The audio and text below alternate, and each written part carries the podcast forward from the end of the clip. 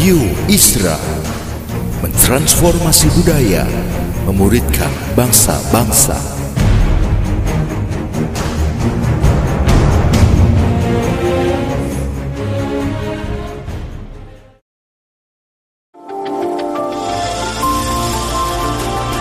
Voice of Pradaim menyuarakan paradigma kebenaran firman Tuhan yang esensi untuk memperlengkapi Anda menggenapi misi dan panggilan ilahi. Selamat mendengarkan.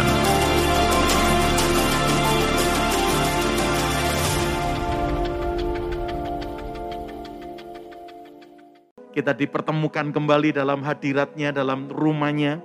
Doa saya apa yang saya siapkan dan ingin saya bagikan boleh memberkati tubuh Kristus di Ark of Christ di uh, kota Bandung ini. Mari kita akan lihat ayat ini. Sebelum masuk di tema saudara bulan ini, kebetulan saya dapat kesempatan yang terakhir menutupnya di bulan ini, bicara tentang kerendahan hati dan kelemah lembutan. Saya ingin membawa lewat ayat ini dulu saudara. Kita buka dulu kejadian pasalnya yang ke-49. Saya ingin share tentang satu anak Yakob, satu salah satu suku Israel yang kelihatannya kurang banyak ceritanya di Alkitab. Tapi kemarin waktu saya pelajari saya terkejut. Ini anak Yakob, ini salah satu suku Israel yang ternyata dahsyat value-nya. Dahsyat karakter hidupnya. Kita belajar yuk. Dari kitab kejadian pasalnya yang ke-49 ayatnya yang ke-21. Waktu Yakob selesai dan mau pulang kembali pada penciptanya, dia panggil anak-anak lelakinya dan dia doakan mereka. Satu persatu. Dari anaknya yang sulung yang bernama Ruben sampai anaknya yang paling bungsu yang bernama Benyamin didoakan dengan kata-kata nubuatan dari seorang papa yang mencintai anak-anaknya. Dan kejadian 49 ayat 21 adalah doa berkat Tuhan dari seorang ayah yang bernama Yakob kepada anaknya yang bernama Naftali. Naftali ini anak Yakob dari gundiknya ya atau dari hamba istrinya namanya Bilha. Yakob punya dua istri, Lea dan Rahel. Dua-dua istrinya punya asisten. Lea asistennya namanya Silpa dan Rahel asistennya namanya Bilha. Dua-dua disodorkan kepada Yakob. Waduh, itu kayak nyodorin kucing dengan ikan asin. Disikat semua sama Yakob saudaraku ya. Dan dari dua hamba yang bekerja sama istrinya Yakob, akhirnya Yakob pun punya anak dari mereka. Nah, dengan Bilha, hamba yang melayani Rahel, Yakob punya dua anak, salah satunya ini Naftali. Dan ini doanya Yakob kepada putranya ini, ya yang lahir dari istri Yakob yang bernama Bilha, hambanya Rahel. Naftali kata Yakob adalah seperti siapa? Rusa betina yang terlepas. Ia akan melahirkan anak-anak indah. Wow. Waktu saya ketemu ayat ini, keren ini doanya Papa Yakob buat anaknya yang bernama Naftali. Kamu itu seperti rusa betina yang terlepas dan kamu akan melahirkan anak-anak yang luar biasa. Anak-anak yang hebat. Mungkin Bapak Ibu seperti saya waktu ketemu ayat ini dan membacanya. Saya pun berkata, orang tua mana sih yang punya doa yang jelek buat anak-anaknya? Ya oke okay lah. Ini memang doa seorang ayah untuk putranya. Bahkan ini doa yang luar biasa yang Yakob berikan buat Naftali kamu kayak rusa betina yang terlepas dan kamu melahirkan anak-anak yang indah, yang luar biasa. Saya pikir ini baru bapak buat anak ya seperti ini. Ternyata bukan berhenti hanya sampai Yakob. Mari kita lihat ayat yang kedua ulangan. 33 ayat yang ke-23. Kali ini pemimpin komunitasnya atau saya mengatakan gembala sidangnya yang berdoa buat salah satu jemaat yang dikenal dengan nama suku Naftali ini. Doa yang kedua ini yang dicatat ulangan 33 ayat 23 adalah doanya Musa buat 12 suku Israel yang dipimpinnya keluar dari Mesir.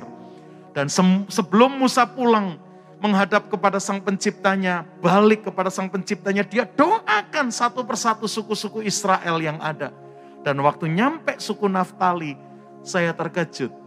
Ternyata bukan cuma ayah Yakob yang punya doa yang keren buat anaknya. Tapi ada seorang pemimpin komunitas yang punya doa yang dahsyat buat orang yang dimentornya, yang dipimpinnya. Begini doanya Musa buat Naftali. Tentang Naftali. Musa berfirman atau Musa berkata yang artinya Tuhan pun menyatakan konfirm dengan doanya Musa buat Naftali. Bunyinya, Naftali, apa kata Alkitab? Kenyang dengan perkenanan dan penuh dengan berkat Tuhan. Milikilah Tasik dan wilayah sebelah selatan. Wow, Nggak cuman papanya yang berdoa keren buat anaknya, buat putranya. Kamu kayak rusa betina yang terlepas dan kau akan melahirkan anak-anak yang indah dan luar biasa.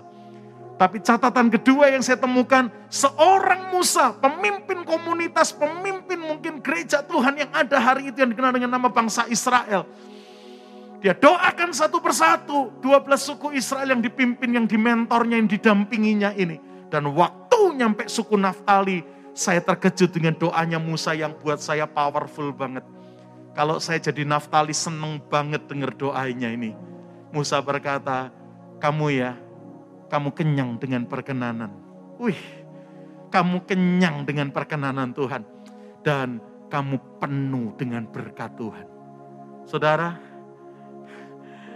saya waktu ketemu ayat yang kedua ini, saya bilang Tuhan, saya kok enggak pernah dengar ya kiprahnya Naftali apa ya. Saya kok enggak pernah baca ya kelihatannya Naftali ini buat apa ya. Kok sampai ayahnya punya doa yang dahsyat buat dia. Sampai Musa pemimpinnya punya doa yang luar biasa buat dia. Kok kayaknya kurang kedengaran ya. Kita lebih dengar karyanya Yusuf saudaraku ya. Kita lebih dengar karyanya Yehuda saudaraku. Kita lebih dengar mungkin karyanya suku Lewi atau anak-anak Musa, anak Yakob yang bernama Lewi. Kalau Naftali kok kok nggak kedengaran karyanya. Tapi kok doa Tuhan, eh doa Yakob buat dia, doa Musa buat dia, kok luar biasa. Bahkan saya terkejut menemukan ayat yang ketiga ini. Matius pasalnya yang keempat. Kali ini yang ketiga ini malah Tuhan sendiri loh yang berdoa yang berkarya buat salah satu anak Yakob, salah satu suku Israel yang bernama Naftali ini. Bunyinya begini. Yuk buka yuk. Matius 4, baca mulai ayat yang ke-13. Matius 4 mulai ayat yang ke-13. Tuhan Yesus meninggalkan Nazaret dan diam di Kapernaum di tepi danau di daerah suku apa? Di daerah suku Sebulon dan di daerah suku Naftali supaya genaplah firman yang disampaikan oleh Nabi Yesaya. Tanah Sebulon dan tanah Naftali jalan ke laut, daerah seberang sungai Yordan, Galilea, wilayah bangsa-bangsa lain, bangsa yang diam dalam kegelapan, telah melihat terang yang besar, dan bagi mereka yang diam di dalam negeri yang dinaungi maut, telah terbit terang.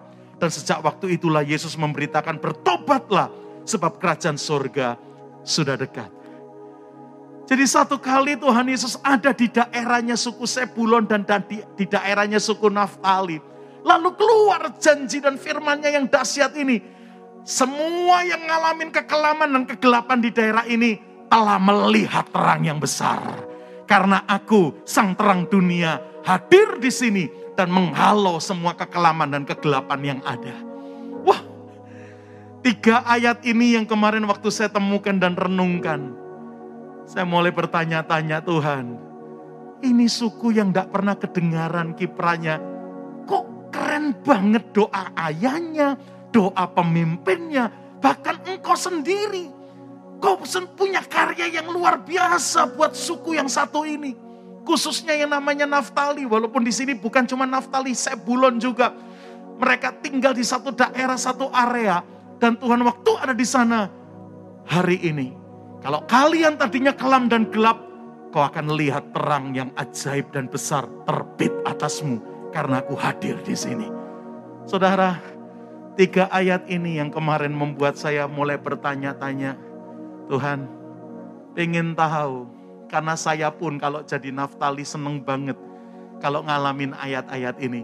Keluargaku memberkati aku luar biasa. Komunitas di mana aku berada. Rupanya juga punya profesi. Kata-kata nubuatan yang dahsyat buatku. Kamu penuh dengan favor of God. Perkenanan Tuhan kamu full with the blessing of God. Wah keren banget. Musa lagi yang ngomong itu saudara. Bahkan yang ketiga, bukan cuman Yakob, bukan cuman Musa. Tuhan sendiri berkata, lu kalau sampai ngalamin kegelapan, aku siap muncul jadi terang yang ajaib yang menghalau seluruh kegelapan hidupmu. Wah, dan ini yang membuat saya buka Alkitab saya lagi. Karena kayaknya sekian lama baca Alkitab belum pernah dengar kiprahnya Naftali, saudaraku. Dan aku temukan ayat ini. Baca ayat yang keempat ini. Hakim-hakim. Pasalnya yang keempat. Pasalnya yang kelima ayat yang ke-18. Mari kita lihat ayat ini. Kitab Hakim-hakim saudara. Pasalnya yang kelima ayatnya yang ke-18 saudara. Saya kaget waktu ketemu ayat ini. Firman Tuhan berkata apa di Hakim-hakim 5 ayat yang ke-18? Tetapi suku Sebulon ialah bangsa yang bagaimana? Bangsa yang berani mempertaruhkan nyawanya. Lalu ditambahin, demikian juga suku Naftali di tempat-tempat tinggi di padang. Wow, saya waktu temukan ayat ini karena saya pikir, aku kayaknya nggak pernah dengar kiprahnya suku Naftali, anak yang bernama Naftali. Kenapa Yakob punya doa yang dahsyat, Musa punya doa yang bervalue yang luar biasa baginya. Bahkan Tuhan sendiri, Tuhan sendiri berkata, aku siap hadir di tengah kegelapan dan kekelaman hidupmu. Karena akulah terang, maka sekelam apa pun yang kau alami, kau pasti akan lihat terang yang ajaib terbit dan muncul atasmu. Waktu saya ketemukan ayat-ayat itu saya berkata, apa yang Naftali ini telah buat? Hakim-hakim 5 ayat 18 inilah yang kemarin saya temukan.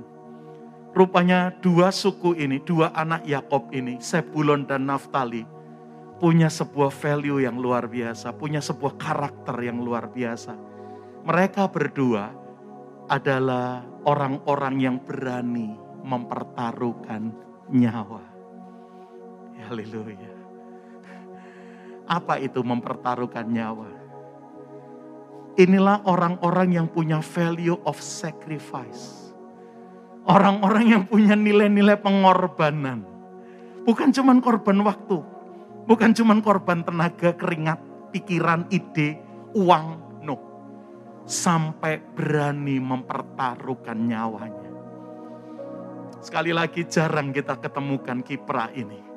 Tapi Alkitab mencatat Kenapa? Bukan cuman keluarga Yakob berdoa keren buat dia. Bukan cuman pemimpin komunitas yang namanya Musa berdoa dahsyat buat dia. Bahkan aku sendiri siap mengusir semua kekelaman dan kegelapan hidupnya. Dan menggantikannya dengan terangku yang dahsyat dan ajaib. Karena rupanya Tuhan melihat dua anak Yakob ini, dua suku Israel ini punya value yang menggetarkan surga. Baik suku Sebulon dan juga suku Naftali. Mereka adalah orang-orang yang berani mempertaruhkan nyawanya. Saudara tahu, itu value, itu karakter Tuhan Yesus kita. Dia datang ke dunia ini. Sebentar kita akan peringati hari kematian dan kebangkitannya dia datang dengan value siap berkorban, rela berkorban. Buat Anda dan saya, bahkan buat seluruh isi dunia. Dan ternyata value yang dia punya, itu ternyata dia lihat ada sama dari 12 suku Israel, dari 12 anak Yakob. Dua punya value yang seperti ini. Salah satunya Naftali yang saya bagikan malam ini. Ini orang-orang yang berani mempertaruhkan nyawanya Nggak cuman berani berkeringat, berani capek. Bukan cuman itu. Bukan hanya berani berkorban, ngasih uang, ngasih waktu, ngasih tenaga, ngasih ide. Sampai setor nyawa, memberikan hidupnya, nyawanya. Mereka siap lakukan. Asal Tuhan, keluarga dan komunitas boleh ngalamin Tuhan yang lebih dahsyat dalam hidup mereka. Coba-coba tanya kiri kanan. Lu biasa berkorban atau lu biasa cari korban? Tanya saudara. Iya. Tanya kiri kanan Anda, muka belakang Anda tanya. Lu biasa berkorban atau lu biasa cari korban? Hari ini siapa lagi yang kita makan ya? Saudara, iya. Itu ciri-ciri orang yang makan korban, saudaraku. beda dengan Naftali, beda dengan Sebulon yang value-nya, value anak domba Allah. Value-nya, value Yesus Kristus Tuhan kita. Value-nya siap berkorban. Ada satu nama yang hebat yang kita kenal di dunia ini. Namanya Alexander the Great atau Alexander Agung. Yang saya terkejut waktu sedikit membaca tentang Alexander the Great atau Alexander Agung. Dua-dua terkenal sama dengan Tuhan Yesus kita. Matinya pun di usia yang sama. Yesus disalibkan di Golgota. Di kira-kira usia 33 setengah tahun. Alexander Agung, pemimpin perang yang tak pernah kalah ini, yang hebat ini, yang terkenal ini juga mati di, tang, di tahun yang sama dengan umurnya Yesus kita. Keren saudara. Salah satu yang terkenal dari panglima yang namanya Alexander Agung kalau bawa prajuritnya perang. Begitu dia nyampe tempat yang akan perang, semua akses balik dihancurkannya. Tadi datang ke daerah itu, naik kapal, begitu pasukannya turun, kapalnya sama dia disuruh bakar. Lu kok begitu? Karena dia ngomong sama prajuritnya, lu menang atau lu mati kan nggak bisa pulang nih saudara. Iya. Kalau tadi datang ke situ lewat jembatan, jembatannya dihancurin saudaraku. Coba baca ceritanya. Begitu dia bawa pasukan ke satu tempat untuk memerangi tempat itu, selalu akses yang bawa mereka tiba di situ dihancurkannya. Karena dia mau ngomong begini sama prajuritnya, no turning back ya. Nggak ada kata balik pulang ya. Mati atau kita menang. Kalau lu menang, lu berarti selamat. Kalau lu kalah, nggak bisa pulang, mati di sini, saudara. Dan itu yang membuat prajurit yang dibawanya totalitas dalam berperang. Tapi tetap banyak korban juga di prajurit Alexander Agung. Makanya seorang rekan punya kalimat ini dan saya kaget mendengarnya. Itu yang membedakan Alexander Agung dengan Tuhan Yesus kita. Alexander Agung jadi hebat dan terkenal. Lewat pengorbanan banyak prajuritnya yang akhirnya mati di medan laga. Mati di medan perang. Karena akses balik sama Alexander Agung dihancurkan. Jembatan, kapal, atau apa pun yang tadinya membawa mereka ke sana. Dihancurkan karena dia tidak ingin punya kerinduan pulang sebelum memenangkan pertempuran. Banyak prajuritnya mati, dan ikut nyumbang punya andil nama Alexander Agung jadi Agung beneran. Tapi rekan saya ini berkata, beda dengan Yesus kita. Dia dahsyat dan ajaib. Dia yang mati buat murid-murid bahkan buat seisi dunia, saudara. Amin, saudaraku. Value-nya yang satu makan korban, yang satu jadi korban, saudaraku. Itu yang membedakan. Itu value kerajaan Allah. Itu Kristus yang kelihatan banget. Value-nya bukan value makan korban. Dia nggak mau terkenal dan hebat, tapi orang lain dikorbankan. Malah dia bilang, aku aja yang mati. Dan itulah value yang dimiliki Naftali yang sampai keluarganya pun melihat ini orang mempertaruhkan nyawa. Komunitasnya, kotanya, bangsanya juga lihat value yang sama. Dia pertaruhkan nyawanya buat komunitas kita. Saya tanya, cerita apa yang bikin begitu? Kelihatannya nggak ada ceritanya. Tapi tercatat value ini. Berarti bukan cuman value-nya tercatat. Naftali, Sebulon, orang-orang yang punya value berkorban luar biasa. Satu kali saya melayani sebuah ibadah saya diundang ulang tahun pernikahan. Seorang rekan yang kenal saya dan saya kenal dia. Jauh lebih tua dari saya. Saya hadir untuk menyampaikan firman Tuhan di anniversary pernikahan yang ke-38 tahun hari itu. Waduh, saya sampaikan isi hati Tuhan. Semua yang hadir diberkati, saya senang Tuhan dimuliakan lewat apa yang saya bagikan. Tapi tahu-tahu saya tergerak, saya bilang, Pak, Bu, kalian itu lebih senior dari saya. Tahun berapa itu ya? Hari ini, tahun ini saya baru 24 tahun perjalanan pernikahan saya dengan istriku Iya. Hari itu belum sampai 24 tahun. Dia sudah 38 tahun. Makanya saya bilang, gantian. Bapak Ibu cerita dong. Kenapa sampai hari ini saya melihat dan saya saksi saya kenal kalian. Kalian bukan cuma bertahan dalam pernikahan, tapi kalian menikmati pernikahan kalian.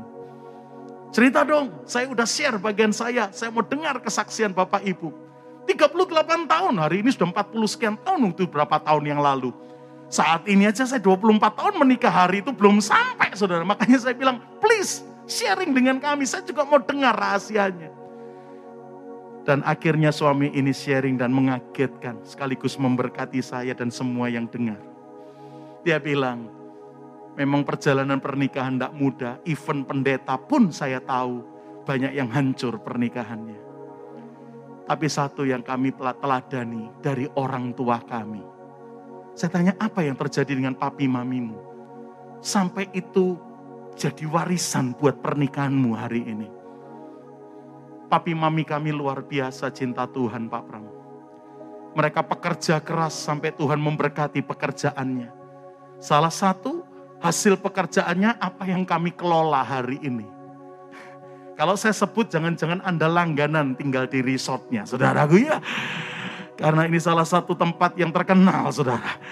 Ya, dia bilang, ya bukan cuman kami juga punya andil, tapi awalnya lewat papi mami yang memulai segalanya. Tapi papi mami bukan cuman orang-orang yang hebat bekerja dan berhasil. Tapi papi mami juga cinta Tuhan dan bergairah melayani Tuhan. Dan satu kali Pak Pram, mama itu punya kondisi yang suka orang Jawa bilang swak. Swak itu lemah, gampang sakit, sering sakit.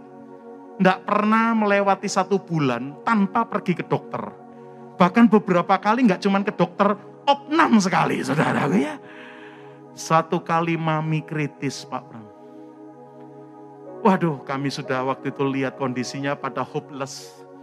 Kayaknya bakal pulang nih mami dan di kondisi kritis itu, Pak Pram tahu apa yang Papa putuskan. Papa memutuskan untuk menjaga Mama 24 jam sehari. Kita bilang jangan Pak, nanti Papa sakit juga, kecapean. Sudah-sudah kita aja. Emangnya kamu mau jaga Mama 24 jam? Ya kalau kita tidak bisa malamnya biar suster yang kita bayar. No, no, no, no. Wah waktu kami bilang biar suster yang jaga. Langsung papa bilang, no, no, no. Mamimu di kondisi kritis hari ini bukan butuh suster yang dibayar untuk menjaganya, tapi butuh orang yang mencintainya, mendampinginya. Wow. Tapi kalau papa yang jaga, papa sakit sekali gimana? Enggak. Papa enggak pernah sakit katanya. Dan papanya maksa, tidak mau digantikan oleh suster. Bahkan dia ngomong, kalau kalian sibuk datang pas pas besuk aja jam besuk. Gantian aja, enggak usah semua kalian datang. Udah gantian aja. Papa yang jaga. Karena di sikon kayak begini kritisnya, mama bukan butuh orang yang sekedar menjaganya. Tapi butuh orang yang mencintainya ada di sebelahnya. Papa yang jaga 24 jam. Saudara lihat ini. Dan setiap kali anak-anak datang, sekalian jenguk mama, jenguk papa Jangan-jangan papanya ikut tepar ini saudara. Oh, ya. Dan setiap kali mereka jenguk, kadang malam, kadang dini hari, kadang siang, kadang sore, kadang pagi. Papanya tidak pernah jauh dari mamanya. Kalau nggak duduk di sebelahnya, ya tidur di atas pangkuannya. Jadi mamanya tidur, dia dia dia rangkul begitu di, di perutnya, kadang tidur, duduk di apa tidur di pahanya, kepalanya sampai duduk. Dan itu menjadi pemandangan berhari-hari waktu mama kritis. Dan yang luar biasa Pak Bram, setiap kali kita lihat itulah pemandangan yang kita lihat. Papa selalu ada di sebelah mama. sembuh Tuhan. Tuhan sembuhkan mama Pak Pram. Mama keluar dari ruangan ICU. Mama pindah ke kamar biasa dan tidak lama mama boleh pulang. Wah kami senang, kami syukuran Pak Pram. Terus di syukuran itu Papa Toto ngomong. Nah, kamu ingat ya, dampingi orang-orang yang kalian cintai dan yang mencintaimu. Jangan kasih waktu sisa buat mereka. Kasih waktumu, cintamu, perhatianmu yang terbaik. Dan kalau enam tahun lagi papa dipanggil Tuhan, kalian jaga mama kalian baik-baik.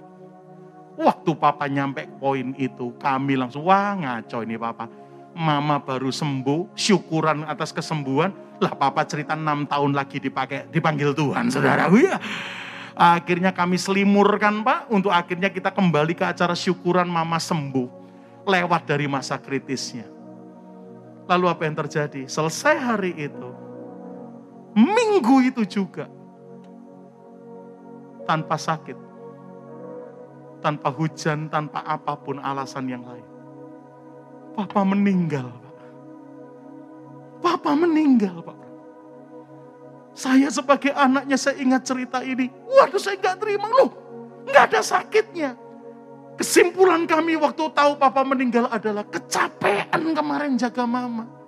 Kecapean kemarin 24 jam nggak mau tinggalkan mama. Akhirnya papa nggak ada sakitnya tetap meninggal. Kira-kira di minggu-minggu kami habis syukuran itu. Wah sampai saya minta pendeta saya doain kebangkitan untuk untuk papi kami. Apalagi kami dengar papa ngomong enam tahun lagi baru dipanggil Tuhan. Makanya kami percaya, ayo Tuhan bangkitkan. Tapi sampai hari penghabisan penghiburan, pendeta kami pun akhirnya berkata relakan ya. Kita udah kasih waktu sampai sekian. Kita makamkan papa, kita antar ke tempat peristirahatannya yang terakhir. Dan hari itu kami ngantar papa, Pak Pram.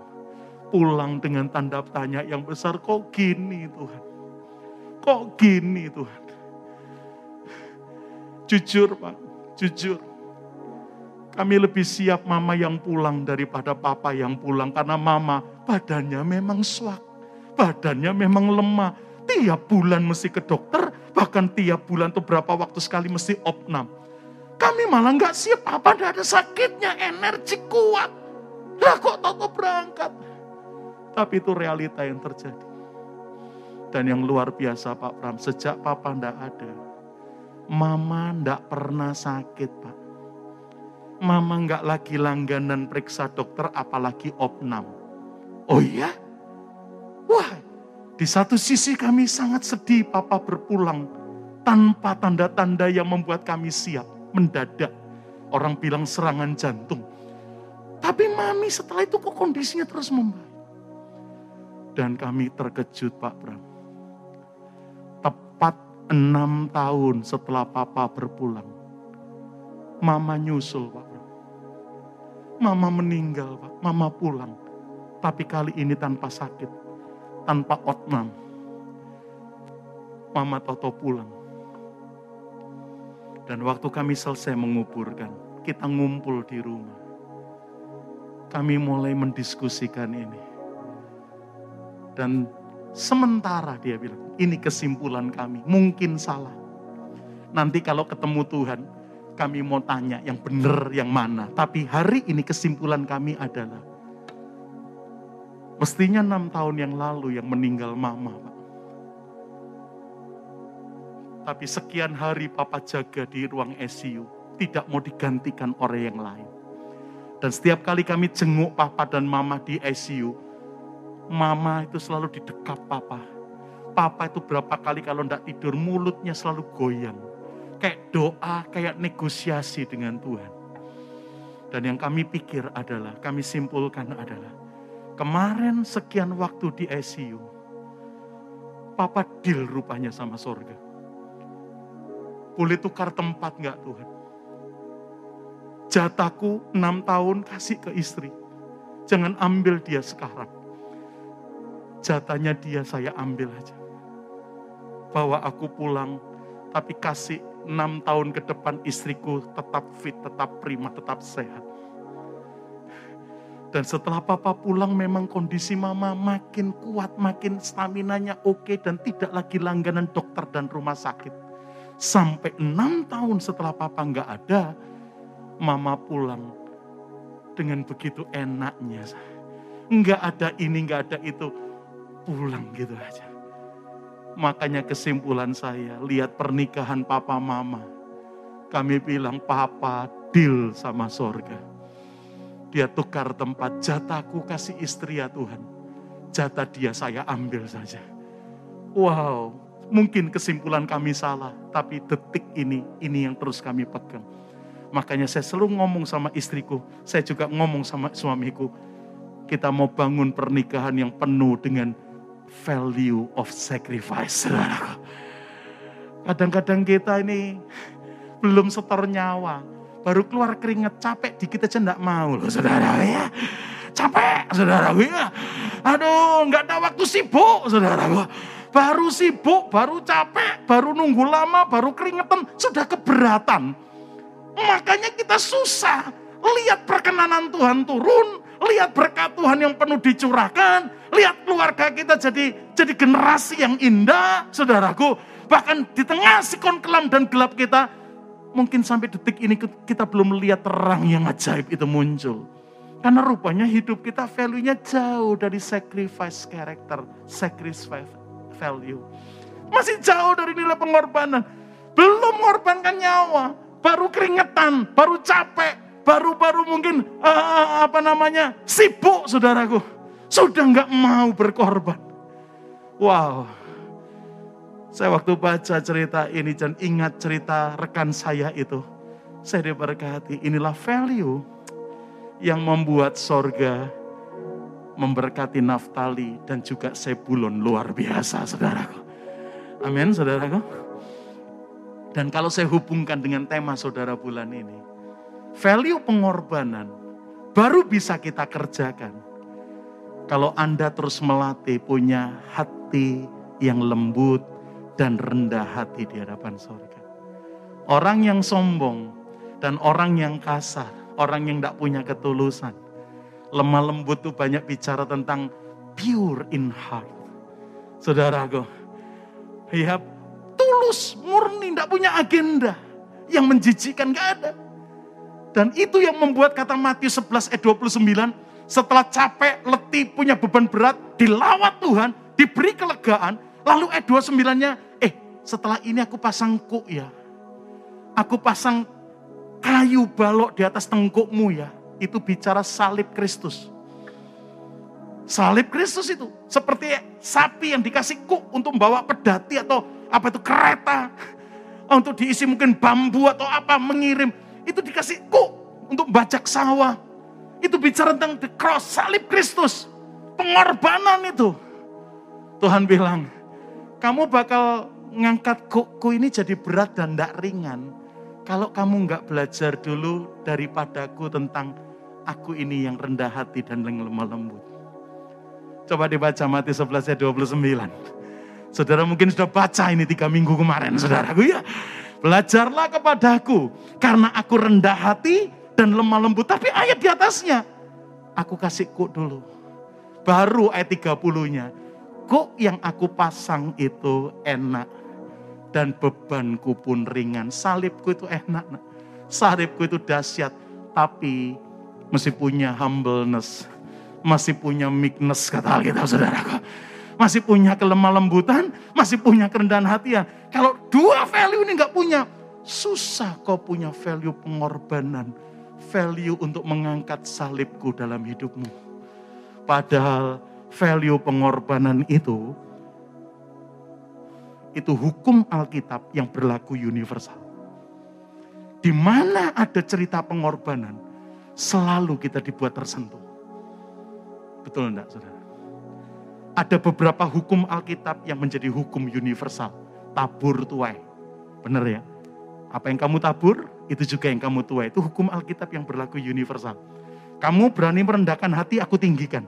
Kamu berani meninggikan hati, aku akan rendahkan. Itu hukum Alkitab yang berlaku universal. Hukum Alkitab yang berlaku universal yang ketiga adalah apa yang tidak kamu hargai, apa yang kamu remehkan, pasti akan diambil daripadamu. Apa yang kamu tidak hargai, apa yang kamu remehkan, pasti hilang nak dari hidupmu. Betul loh. Itu cerita Esau yang meremehkan hak kesulungan dan akhirnya nangis untuk minta hak kesulungan. Gak dapat loh. Karena hukum ini, apa yang lu remehkan, apa yang lu tidak hargai pasti hilang, pasti akan diambil daripadamu. Nah, hukum yang keempat yang berlaku universal ini, pengorbanan itu selalu baunya wangi. Pengorbanan itu selalu baunya menyenangkan Tuhan. Wih, saudaraku. Makanya sampai detik ini, begitu dengar orang yang rela berkorban, selalu ceritanya nyentuh hati. Selalu ceritanya nyentuh hati. Berapa tahun yang lalu, ada seorang pendeta yang ternyata bikin acara ini di salah satu TV swasta kita. Nama acaranya adalah Minta Tolong. Mungkin generasi yang terakhir tidak lihat cerita itu, saudara. Ya. generasi saya mungkin, termasuk saya pecandu nonton sore-sore itu ditayangkan RCTI, saudaraku ya. Nama acaranya minta tolong, ada anak-anak datang bawa kadang-kadang buku atau apa. Om beli ya om buku saya, koran saya ini om. Buat apa? Mama sakit om. Buat bayar uang sekolah. Wah anak kecil. Enggak, enggak, enggak, enggak mau. Sampai satu kali, setelah sekian waktu dan ketemu sekian orang, tahu-tahu ada yang mau nolong anak ini.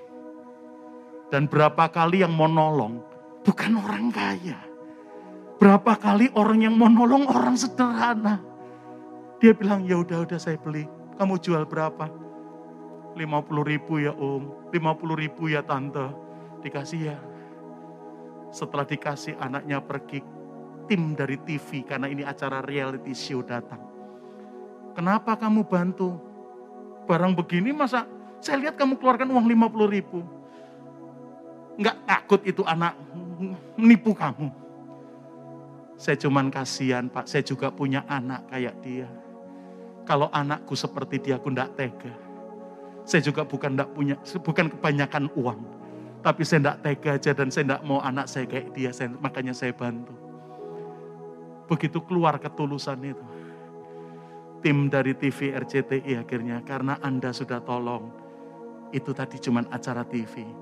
Kami ganti ya, dikasih satu kepok duit, mungkin 2 juta, 4 juta, atau 5 juta, atau 10 juta dikembaliin. Ambil ya, nangis itu orang. Ya Tuhan, ini acara TV toh, bukan sungguhan toh. Loh, tapi ini benar buat saya. Nangis, saudara. Dan setelah tayang sekian waktu, hmm, setelah itu beda value-nya. Kalau ada orang tua, anak-anak jualan, tolong, tolong nih kayaknya masuk TV nih, saudara. Iya. Makanya dihentikan acara itu setelah itu, saudara. Ya, stop, stop, jangan diteruskan kebanyakan yang nonton dan tahu, saudaraku. Akhirnya ndak murni, ndak murni nolong karena, oh, lu ngasih ngomban baliknya ngoti, oh, saudara. Ya. Lu ngasih 50 baliknya 5 juta katanya. Ini TV ini yang di TV itu. Bantuan, bantuan. Akhirnya dihentikan acara itu. Tapi awal-awal acara itu muncul. Setiap kali saya nonton saya selalu dibuat nangis. Karena saya tahu value of sacrifice. Itu value yang baunya harum bukan cuma di hadapan Tuhan. Sampai di hadapan manusia. Begitu punya value mempertaruhkan nyawa. Value berkorban value itu pasti dengar cerita papa rekan saya yang sampai rela setor nyawa ganti buat istrinya. Saya sampai berkata gila, keren banget. Beberapa suami istrinya sakit, cepet Tuhan, cepet ambil aja, ambil saudara. Iya, mau kawin lagi dia saudara. Iya, apalagi duitnya banyak saudara. Iya. Aduh, tapi yang ini no, no, no, tukar Tuhan. Aku ambil jatahnya, kasih jatah saya ke dia. Value itu yang membuat jadi legacy, jadi warisan buat anak-anaknya. Wow. Satu kali ada satu gereja jadwal saya, Pak Pram, khotbah di tempat kita dong. Gereja gede. Bukan cuman gerejanya besar.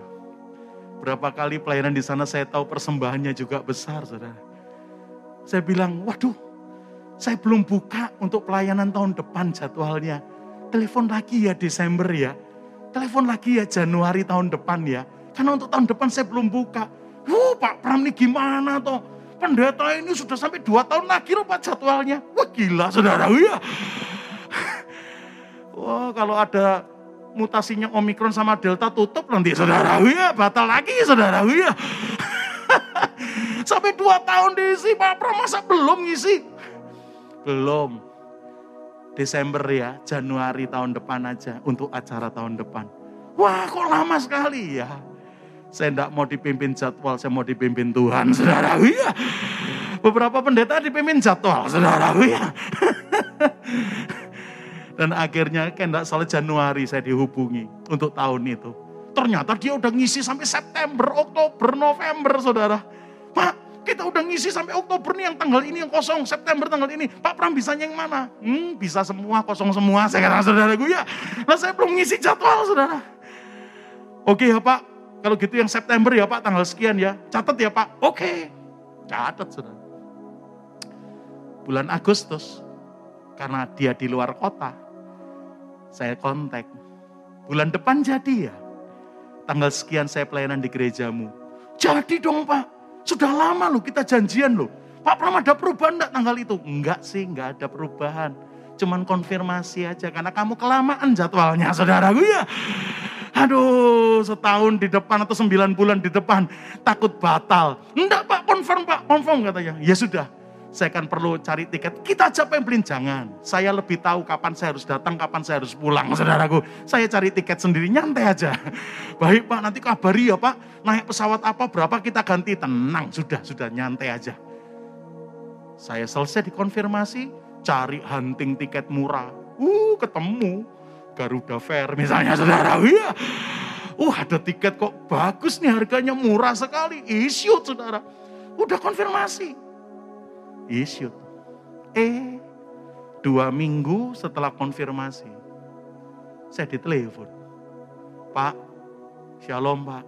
Kami dari gereja ini. Oh iya iya iya. Udah saya kenal nomormu, udah tak catat, tak save. Kenapa ya? Dua minggu lagi aku datang ya lah ya itu pak, lah ya itu tidak enak itu saudara ya. Opo iki lah ya itu saudara ya. Pak sebelumnya minta maaf ya pak. Ada apa? Ternyata pak saya buat kesalahan. Kesalahan yang saya buat adalah tanggal Pak Pram melayani. Saya juga jadwal pendeta yang lain ya Pak. Lalu Pak, Pak dengar dulu ya jangan marah katanya. Karena saya ingat dua minggu lalu Pak Pram udah konfirmasi dan saya sudah oke. Okay. Saya mau cancel itu pendeta yang kedua yang saya catat dua apa di tanggal yang sama dengan Pak Pram datang. Waktu saya cancel Pak, marah Pak pendeta itu Pak. Waduh, ya mungkin bahasanya bukan mencaci maki tapi marah besar lah. Kamu ini gimana sih? Minta-minta jadwalku, sudah aku kasih ternyata kamu jadwal yang lain. Waduh, saya dimarah Pak, saya nggak enak Pak. Lalu saya ngomong sama pengurus di gereja cerita ini. Lalu teman-teman bilang, coba-coba telepon Pak Pram. Kalau Pak Pram yang di reschedule, yang diganti tanggalnya, bisa enggak? Dan pastikan kalau Pak Pram bisa, Pak Pram jangan marah. Kayak pendeta ini sudah marah, saudara. Ya. Jadi Pak, maksud saya telepon, Misalnya jadwal Pak Pram diganti tanggal yang lain, Pak Pram berkenan enggak ya Pak? Dan pastikan Pak Pram jangan marah ya Pak. Waktu saya dengar begitu jawaban saya, ya sudah kalau gitu saya bisa di reschedule. Wong ceritamu memposisikan saya harus bisa. Saudara, iya. Kan ceritanya gitu, saudaraku. Kalau saya nggak bisa atau saya marah kan nggak selesai ceritanya, saudara. Iya. Dia memang giring saya untuk bisa ya, saudara. Iya. Tapi sadar enggak? bahwa itu mestinya bukan hal yang mudah. Loh dia bisa marah kan saya juga bisa marah. Saudaraku kan gitu kan saudara. Tapi ceritanya membuat saya harus bisa ya saudara. Makanya saya bilang ya sudah saya aja yang di reschedule. Waduh, Pak Bram tapi jangan marah ya. Ceritamu membuat saya tidak boleh marah ini saudaraku ya. Lah kamu giring saya tidak boleh marah dan harus bisa kok saudaraku. Ya sudah, udah ganti aja. Aduh Pak, thank you, thank you, thank you Pak gini kan enak. Dalam hatiku gini enak gundulmu saudaraku ya. Lu enak, gua nggak enak saudaraku. Tapi sekali lagi yang saya mau sharingkan, value of sacrifice itu bukan cuma dinantikan surga, dinantikan dunia. Sudah terlalu banyak orang yang suka makan korban. Jarang yang mau berkorban. Sampai yang satu hebat karena korban prajuritnya. Tapi Yesus datang beda. Aku siap hebat, aku yang siap berkorban untuk kalian. Haleluya. Dan akhirnya saya diganti ketemunya bulan Februari. Karena dia sudah ngisi juga tahun depan saudaraku ya. Waduh ini gereja-gereja sebelum dikoserang covid ini jadwalnya gila-gilaan saudaraku ya. Setelah pandemi babak belur jadwalnya saudaraku ya. Woi, ya sudah saya ketemu tahun depan enggak apa-apa saya bilang. Februari ya saya catat. Akhirnya selesai telepon, saya baru ingat aku udah isu tiket ya saudaraku ya. Aku udah isu tiket. Istri saya bilang, udah lain kali gosio aja. Oh gosio kan mahal sekali saya katakan. Aduh, ya sudah. Di kota itu kita akan punya anak-anak yang kita bina, keluarga-keluarga yang kita mentor. Saya kontak mereka aja, biar saya ketemuan. Sayang tiketnya ini murah ini. Kalau nggak dipakai angus, udah saya jalan aja udah tak bayar. Saya kontak rekan-rekan saya di sana. Eh kosong nggak tanggal sekian, saya datang ya. Kopram pelayanan di mana? kok bisa ketemuan dengan kita? Saya mestinya khotbah di gereja ini tapi batal. Lu kenapa? Saya cerita. Kurang aja tuh gerejanya, kita demo ya kok. Jangan saudaraku ya. Walah anak rohani saya malah marah saudaraku ya. Bapak rohaninya dibegitukan. Saya udah udah, saya udah isi tiket, saya ketemu kalian aja. Malam ya kok, itu hari kerja sebetulnya. Oke nggak apa-apa malam aja. Karena saya udah isu tiketnya. Ya sudah kok, kita konfirmasikan. Kan masih berapa hari lagi. Ya udah, Empat hari sebelum hari H. Kira-kira seminggu setelah dibatalkan. Saya ditelepon lagi loh. Pak Bram, aduh Pak ceritanya panjang. Apalagi, saya kata saudara ya, apalagi tuh. Pak, pendeta yang marah, yang gara-gara dia marah kami akhirnya reschedule Anda. Dan Anda mau di reschedule. Hari ini kami hubungi Pak. Kami mau nanya, nanti empat hari lagi datang naik apa kami jemput kamu langsung pulang atau tinggal di kota kita. Kami siapkan hotel ya. Kami mau nanya itu. Jawabannya mengagetkan saya Pak. Apa yang terjadi? Dia bilang, loh katanya kamu Pak Pram yang melayani tanggal itu bukan saya. Saya udah kasih tanggal itu ke pelayanan yang lain. Loh Pak, kan tadinya memang mau begitu Bapak marah. Lalu kita yang rubah Pak Pram yang di reschedule Anda supaya tetap datang tanggal itu. Kok sekarang Anda bilang tidak bisa? Aduh maafkan saya. Karena yang ada di benak saya Anda dengan Pak Pram bukan dengan saya. Jadi saya kasih tanggal itu ke orang lain. Ya Tuhan Pak. Dari dua punya pendua pembicara hilang semua sekarang Pak saudara. Ya. Sorry, sorry, sorry. Saya nggak bisa datang karena saya harus ke sini. Tanggal itu, jam itu. Ya Tuhan. Saya baru rapat Pak dengan pengurus gereja. Lalu teman-teman pengurus bilang, cepat telepon Pak Pram tanya Semoga belum diganti pelayanan yang lain tanggal itu. Semoga dia tetap bisa datang. Makanya kita nanya, Pak, Anda masih kosong enggak tanggal itu? Saudara, value pengorbanan baru bisa dikerjakan. Kalau Anda selalu membangun rendah hati dan lemah lembut. Susah pikul kuk salib Kristus. Kalau kita nggak pernah punya humbleness, meekness, Terjemahan yang lain bilang low in heart. Wih, ini bicara hati semua. Value of sacrifice itu baru bisa kita tuntaskan. Kalau kita punya kerendahan hati dan punya kelembutan, tidak punya rancangan yang jelek. Baru saya akhirnya cerita, saya itu waktu kamu batalin minggu lalu, aku udah isyut datang ke kotamu tiket pesawatku. Terus Pak Pram di mana? Enggak sih, saya cuma ketemu anak-anak rohani saya di sana. Enggak ada pelayanan yang lain. Jadi tanggal itu masih kosong Pak. Wah, dan Pak Pram tetap datang. Iya.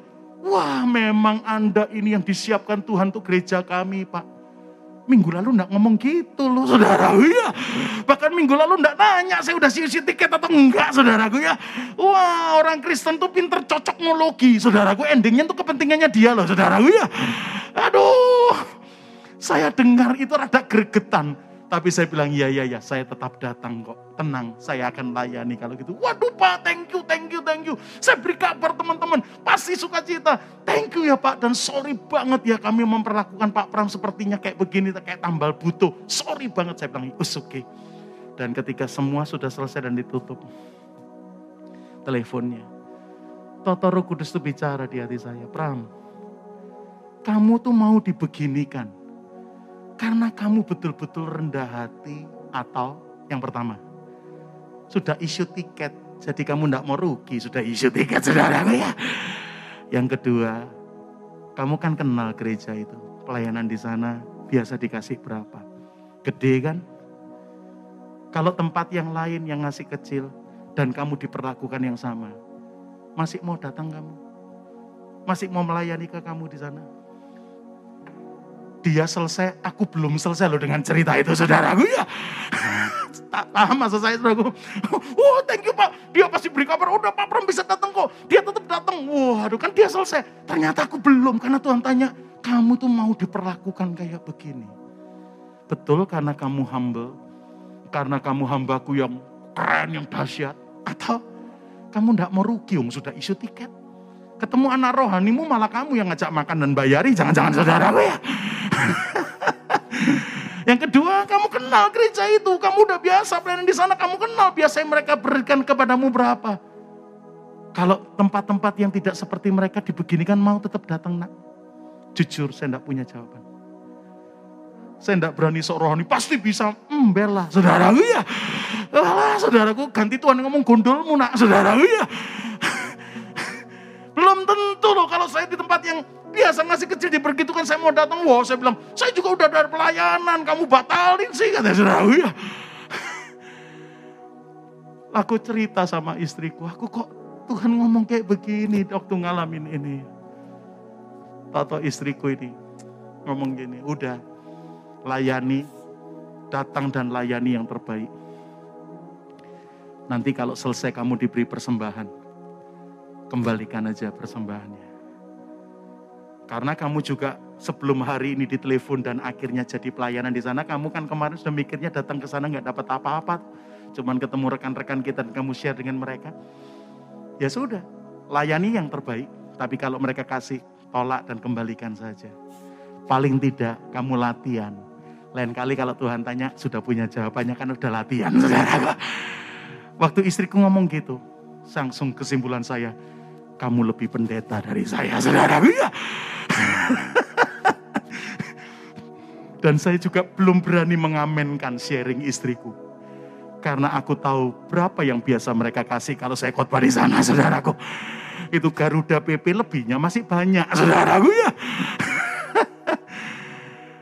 Saya bilang, oke okay, pray for me. Doakan aku ya. Saya datang hari itu. Saya layani hari itu.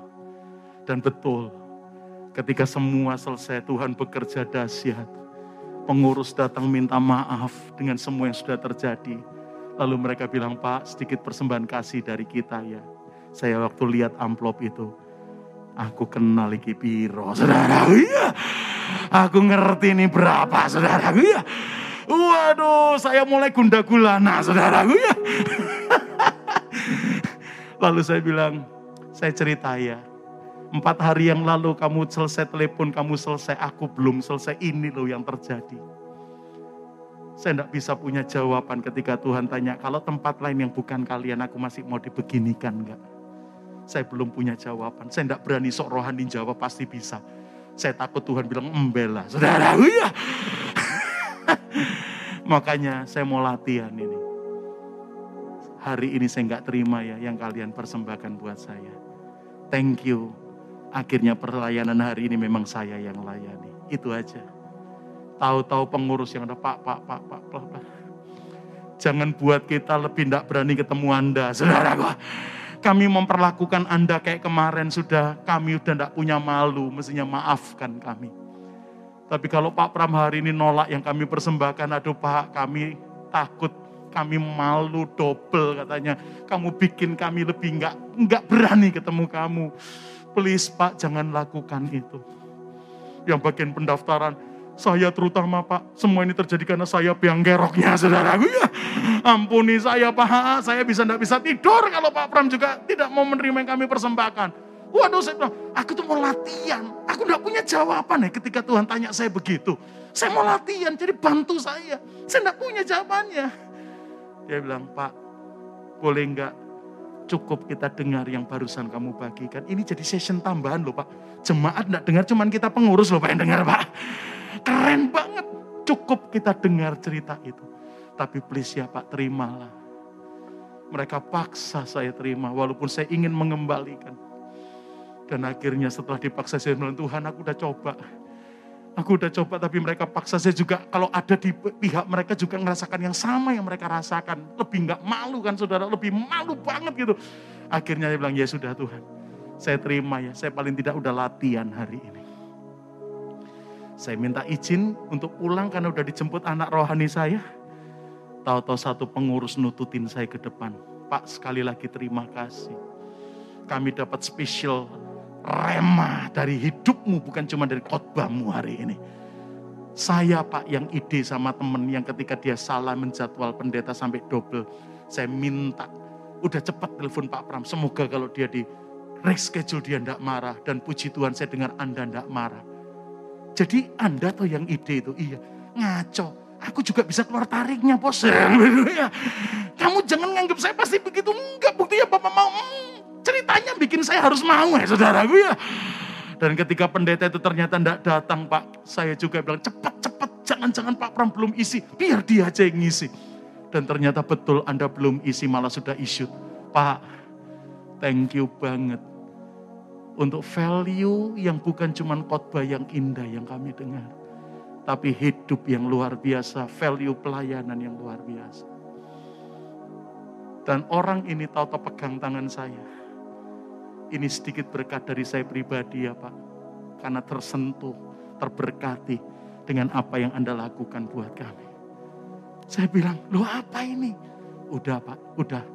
Pulanglah itu temanmu udah nunggu lama, kamu udah pulang-pulang saudara ya.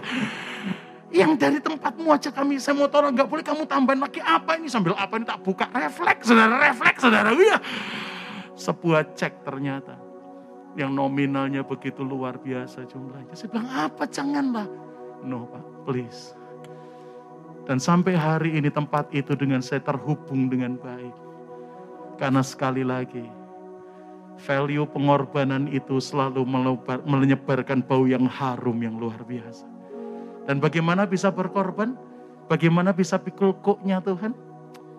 Belajar rendah hati. Belajar terus lemah lembut karena itu yang bisa membuat kita angkat salibnya dan makin serupa dengan Kristus. Amin.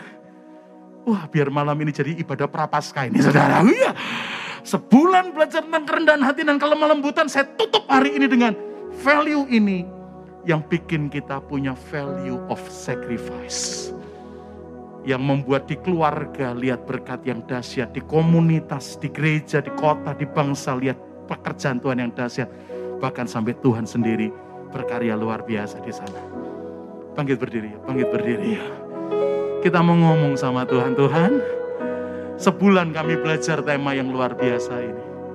Ternyata tema ini untuk kami bisa pikul kok yang Tuhan pasang dalam hidup kami itu salibmu. Kami nggak mungkin bisa berkorban kalau kami tidak latihan terus lemah lembut dan rendah hati ini. Wow, wow. Dan sekali lagi ini value yang bukan cuma ditunggu surga, dunia menunggu ini. Sudah kebanyakan orang yang makan korban. Cerita tentang robot, cerita wah makan korban semua saudara. Sampai akhirnya bahasa yang muncul kemarin di televisi. Mau ndak kerjaan? Di mana kita bisa ambil uangnya orang begitu banyak. Jahat sekali. Dunia dipenuhi orang yang makan korban. Yesus datang punya value yang berbeda, siap jadi korban. Amin. Dan itu bisa dikerjakan karena rendah hati dan lemah lembut. Amin. Amin.